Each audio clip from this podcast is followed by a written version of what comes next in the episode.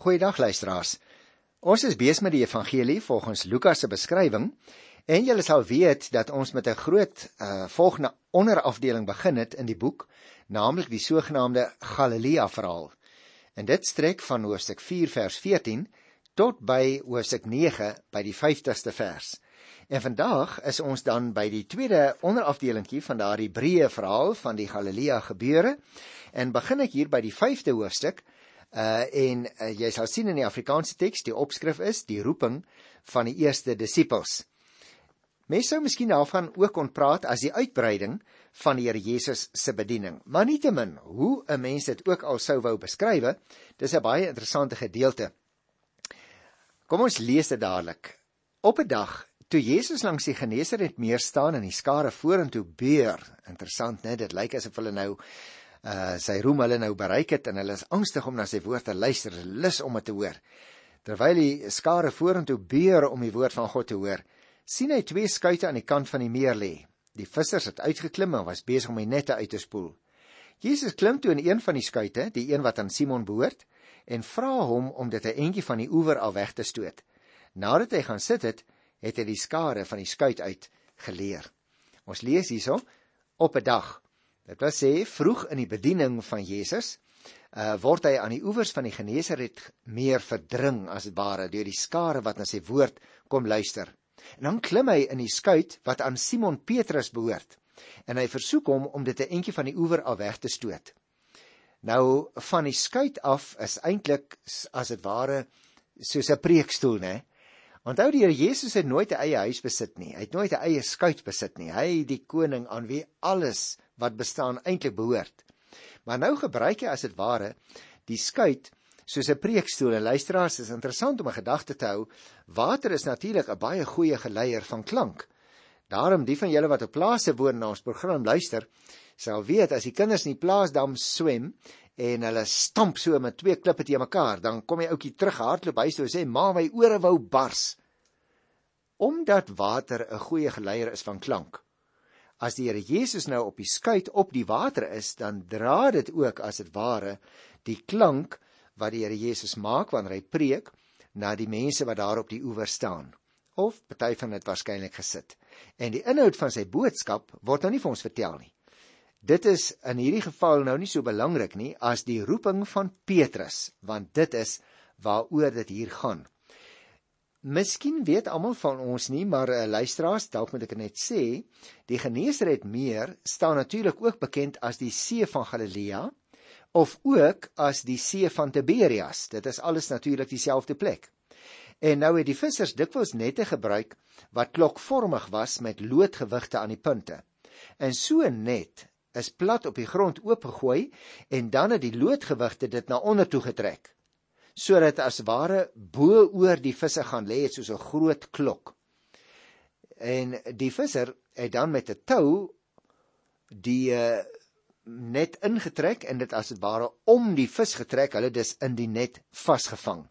En die nette moet natuurlik baie goed opgepas geword het en daarom is hulle uh, gewas om die watergras te verwyder en daarna is dit heel gemaak die plekke wat dan nou stikkend geraak het in die proses. Kom ons lees hier by vers 4 tot 8. Toe Jesus klaar gepraat het, sê vir Simon: "Vaar uit na die diep water toe en gooi julle nette uit om te vang." "Meneer," antwoord Simon, "ons het die hele nag deur geswoeg sonder om iets te vang, maar op u woord sal ek die nette uitgooi." En toe hulle dit doen, het hulle so 'n groot klomp vis gevang dat hulle nette wou skeur. Hulle wink toe vir hulle maats in die ander skei om te kom help. Hulle het gekom en albei die skuite so vol gemaak dat hulle amper gesink het. Toe Simon Petrus dit sien, val hy voor Jesus se knieë neer en sê: "Gaan weg van my af, Here, want ek is 'n sondige mens." Nou mens kan dit nogal verstaan. Luisteraars dat hy na aanskoue van hierdie geweldige wonderwerk besef wie die Here is. Maar kom ons kyk na die na die verse. Nadat Jesus die skare geleer het, gee hy nou aan Petrus die verrassende opdrag om uit te vaar na die diep water toe en om die nette uit te gooi om te vang. 'n Mens vang natuurlik net in die nag so vis en hulle het dit reeds gedoen maar dit niks gevang nie. Petrus het egter al geleer om aandag te gee uh, wanneer die Here Jesus iets sê en daarom gehoorsaam hy die Here Jesus se opdrag en die resultaat van sy gehoorsaamheid was 'n wonder en hy besef dat hy in die teenwoordigheid van God verkeer. Daarom val hy voor Jesus se knieë neer. Kan jy teken die prentjie luisteraars, die skei is tot boordens toe val, vol. En hy val daar tussen die klomp wriemelende visse neer op sy knieë en hy spreek die Here Jesus aan as Here. Is dit nie interessant nie? In vers 5 het hy gesê meneer. En hier in vers 8 sê hy gaan weg van my af, Here. Daar het dus by hom die insig onder leiding van die Heilige Gees plaas vind dat Jesus nie net 'n gewone meneer is nie. Hy voel self ook aan dat hy self 'n sondige mens is. Nou volgens die opvatting destyds was 'n sondaar iemand wat nie getrou was in die nakoming van die wet van God nie. As sondaar voel Petrus nou ook dat daar 'n afstand geskep moet word tussen hom en die Here, wie se wet hy nie onderhou nie. Hy versoek Jesus dan ook om van hom af weg te gaan. Want uh, sy in sy reaksie kan ons dadelik sien hy besef dat die sondaar en die heilige nou hier by mekaar gekom het. Maar gelukkig luisteraars, God se mag strek tot by elke dimensie van jou en my lewe.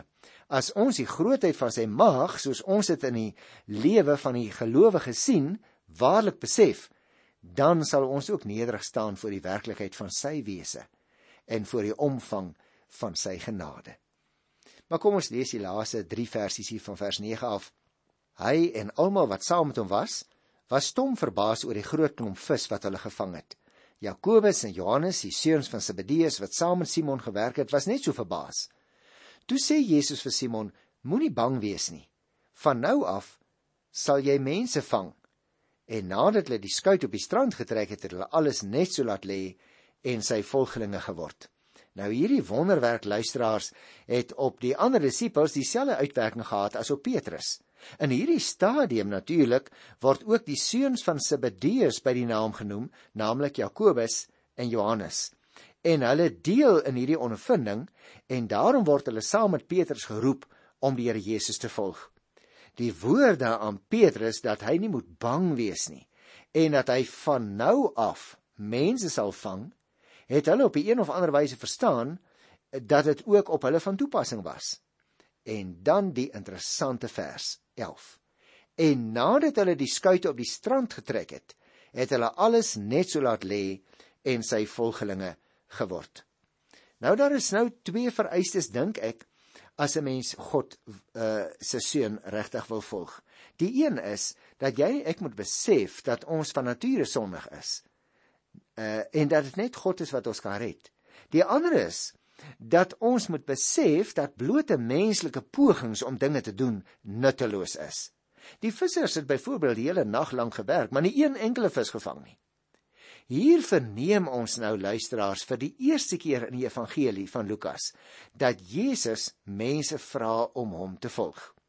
Jesus het die mense in Nasaret en Kapernaum reeds beïndruk met sy genesings en sy uitdrywing van die bose geeste, maar nou vir die eerste keer vra hy mense spesifiek om hom te volg. Nou het hy 'n aantal vissermanne wat hy wil hê sy volgelinge moet word. Hy het met hulle gewerk, hulle seker gereeld gesien daar langs die see, hulle ook gehelp met hulle werk deur te sê gooi die nette uit en toe vang hulle 'n klomp vis en dan besluit hulle om hom te volg. Om Jesus te volg beteken ook vir jou of my meer as om net vir hom as ons verlosser te erken.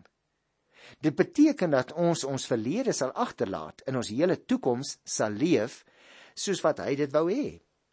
En daarom wil ek tog hierop wys net voordat ons afstap van die perikoop. Luisteraars, as 'n mens na vers 4 kyk, waar die Here vir hulle sê: "Vaar uit na die diep water toe en gooi julle nette uit om te vang."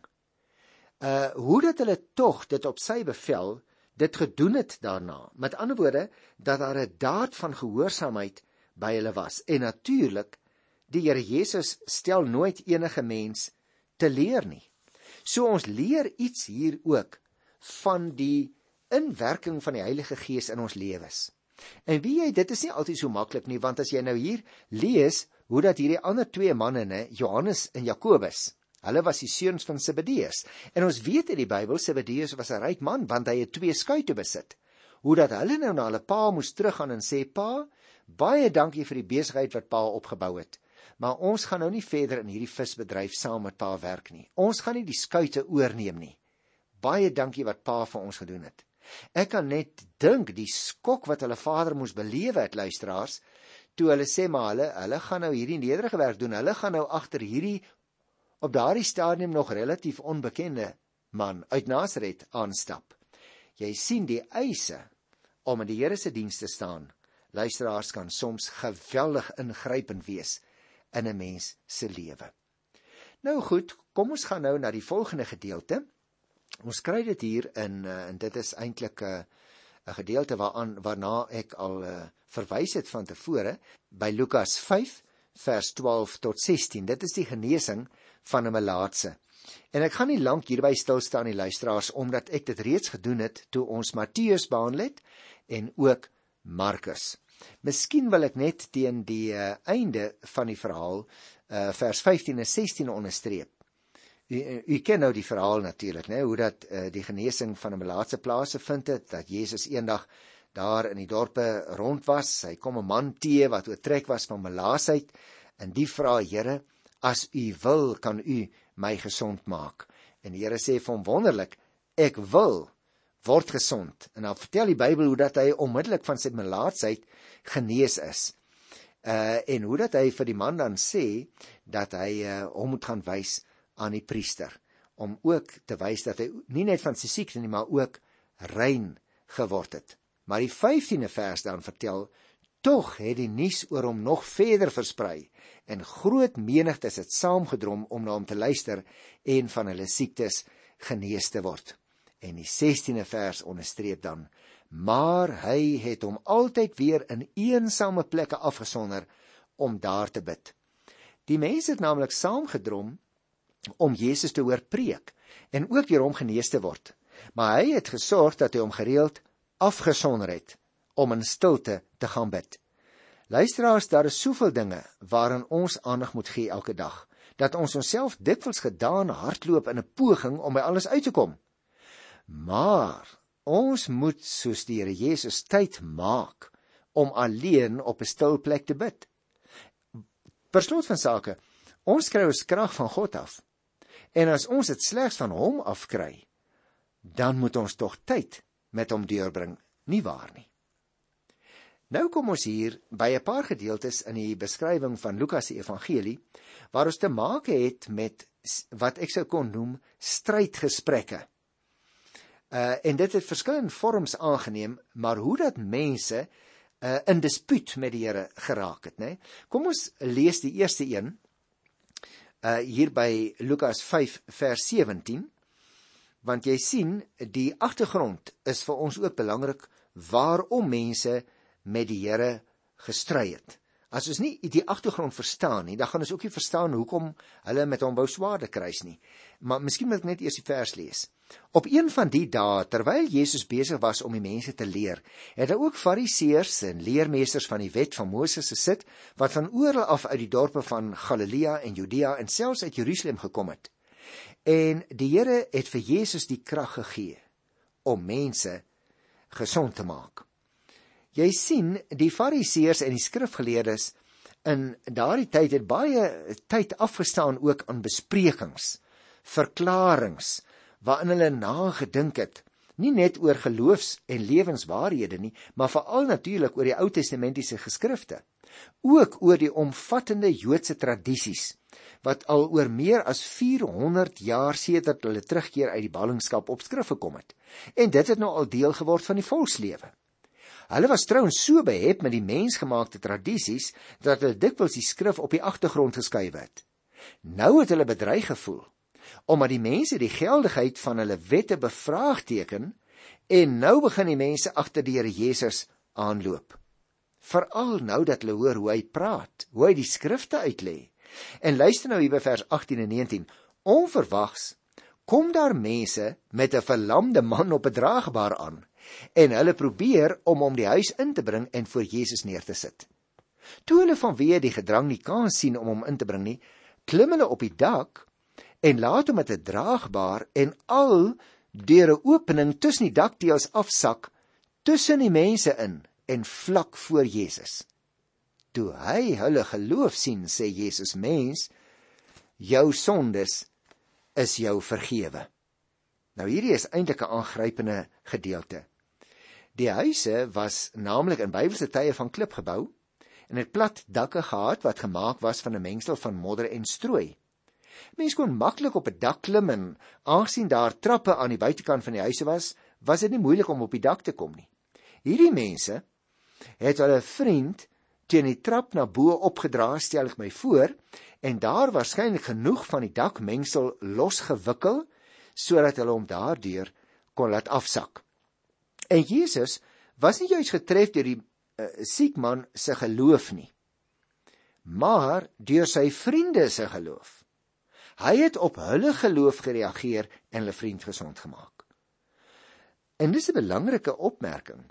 Want luisteraars, ons geloof beïnvloed ons vriende of ten goeie of ten kwade.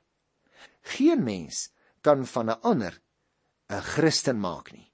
Maar ons kan wel 'n ander 'n geleentheid bied om te reageer op ons woorde, veral ook te reageer op ons liefdesdade en die liefde wat ons aan hulle betoon. Miskien moet jy en ek ons juis daarop toespit om na geleenthede te soek om ons vriende na die lewende Here Jesus Christus te lei. En daarom is dit so belangrik dat ons positiewe volgelinge van hom sal sal wees. Maar nou as dit ware by hierdie selfde gebeurtenis word dan nou iets bygelas. Lukas teken dit vir ons aan en daarmee het ons eintlik 'n klein ander 'n uh, gebeurtenis wat hier plaasvind. Ek lees by Lukas 5 van vers 21 af. Die skrifgeleerdes en die fariseërs het hulle begin vra: "Wie is hy dat hy so godslasterlik praat? Wie anders kan sondes vergewe as God alleen?" Nou, ek kan my dit baie goed voorstel want hierdie Joodse leiers begin as dit ware nou die Here Jesus beskuldig van godslastering. Hoekom? Toe hy vir die verlamde man gesê het dat sy sondes vergewe is. God se lastering beteken dat iemand sê hy is God of dat hy daarop aanspraak maak dat hy dinge kan doen wat slegs God kan doen. God se lastering was dus volgens die Joodse wette strafbaar met die dood self want hulle het dit gesien as 'n baie baie ernstige oortreding. En die godsdienstleiers kon nie aanvaar dat Jesus God se mag het om liggaam en gees te genees nie. En daarom het hulle hom van godslastering beskuldig. Tussen hakies vir Lukas was die feit dat Jesus sonde vergewe het juis 'n teken dat die Messias gekom het. Veral nou ne toe hulle hierdie verdere wonderwerk sien hoe dat die Here hierdie verlamde man gesond gemaak het.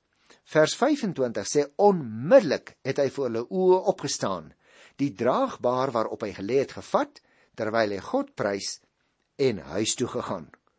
Almal het verbaas gestaan en God geprys en vol eerbiedige vrees gesê: "Vandag het ons ongelooflike dinge gesien." Natuurlik, uh, ek dink dit is belangrik dat ons sal opmerk luisteraars dat hierdie mense die buitengewone gebeurtenisse onmiddellik gesnap het en dat hulle geweet het hier is dit eintlik net God wat kan werk. Maar die geleerde teoloë van daardie tyd, o, hulle wou dit nie eintlik geglo het nie. Is baie keer in ons tyd ook so, né, dat jy die ek wil amper sê die geloof in die straat sien, maar nie altyd by sommige van die teoloë nie. En nou kom ons by die roeping van Levi. Hier by Lukas 5 vers 27. Daarna het Jesus uitgegaan en 'n tollenaar met die naam Levi by die tolhuis sien sit. En hy sê vir hom: "Volg my." Hy het alles net so laat lê en opgestaan en Jesus gevolg. Levi het 'n groot feesmaal in sy huis gehou ter ere van Jesus en 'n groot aantal tollenaars en ander mense het saam met hulle aangesit.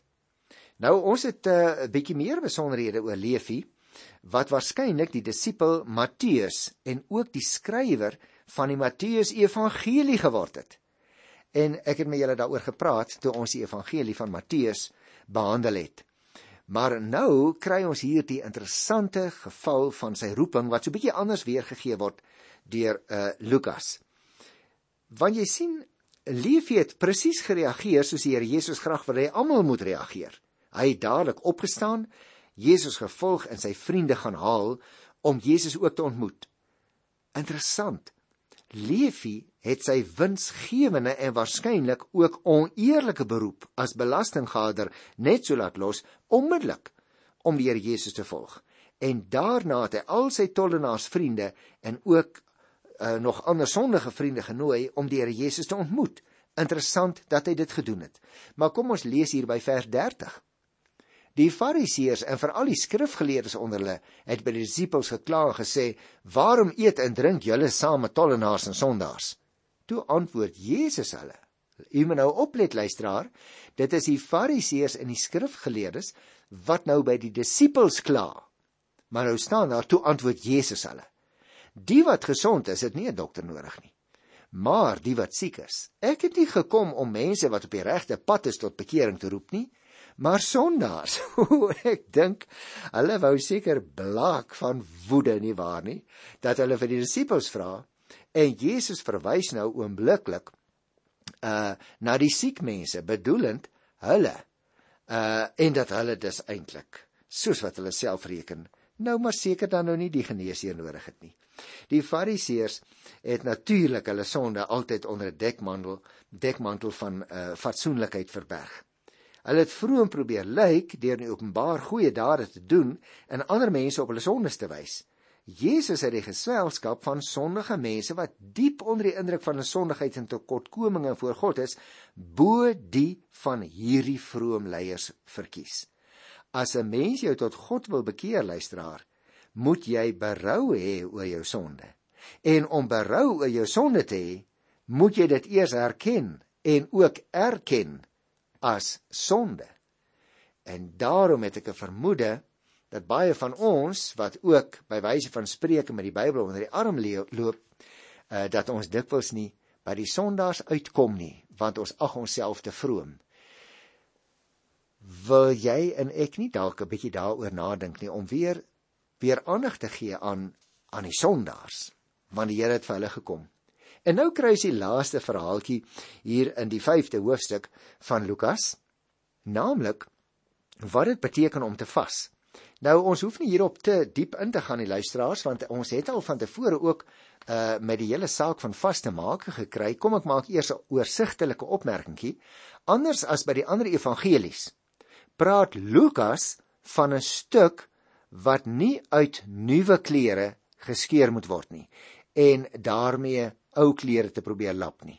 Deur dit so te stel, word die dwaasheid van die handeling baie skerp beklemtoon. Ook die beskadiging van die nuwe word baie sterk afgewys. En is interessant as 'n mens hier kyk in vers 39 spesifiek. Ehm um, waar daar dan geskrywe staan en niemand wat ou wyn gedrink het, wil nuwe wyn hê nie, want hy sê die oue is goed. Nou mense wat in die Boland luister of ander dele van ons land waar daar wyn, rooiwyn gemaak word, sal nou presies verstaan hè. Uh, ek kom ook daar uit die Boland, ek het daar groot geword in die Parel en uh, nou weet ek ook baie goed dat uh, ou wyn, droë wyn is eintlik baie beter as nuwe uh droë wyn wat sopas gemaak is. Die betekenis daarvan natuurlik is dat 'n mens moeilik afstand doen van die ou forme hier in die perikoop wat ons voor op ons het. 'n Mens moenie bly vashou net aan die ou forme en glad nie meer vatbaar is vir nuwe dinge en nuwe wyses van doen nie. Nou ek het die vorige keer ook daarop gewys dat hierdie saak van vas ook vir ons as Christene baie belangrik is. Ons kan gerus 'n bietjie daaraan aandag gee, nie om deur die mense gesien te word nie, maar dit is 'n manier van afsondering en van toewyding aan die Here om al jou tyd te kan spandeer. En daarom luisteraars, Uh die dinge wat die Here Jesus vir die mense geleer het, kon nie maar net sommer so inpas by al hulle ou tradisies en hulle reëls nie. en jy en ek is nie anders nie, hoor.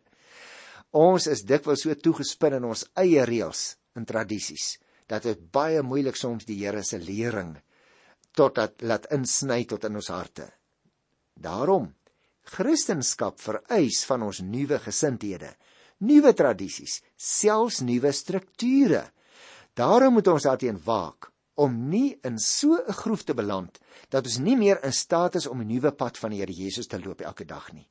Luister, ons harte moet hart moet sag bly, moet buigbaar wees sodat ons die Here Jesus se boodskap wat lewens werklik kan verander, kan aanvaar en dit ons eie kan maak. Stel jouself dan by hernuwing oop luisteraar vir die sproei van die Heilige Gees sodat die woord van God ook deur ons program met goeie vrug op die akker van jou hart kan val. Ek groet jou in die wonderlike wonderlike naam van Jesus Christus wat steeds deur sy gees ons lewens elke dag wil vernuwe. Tot volgende keer. Totsiens.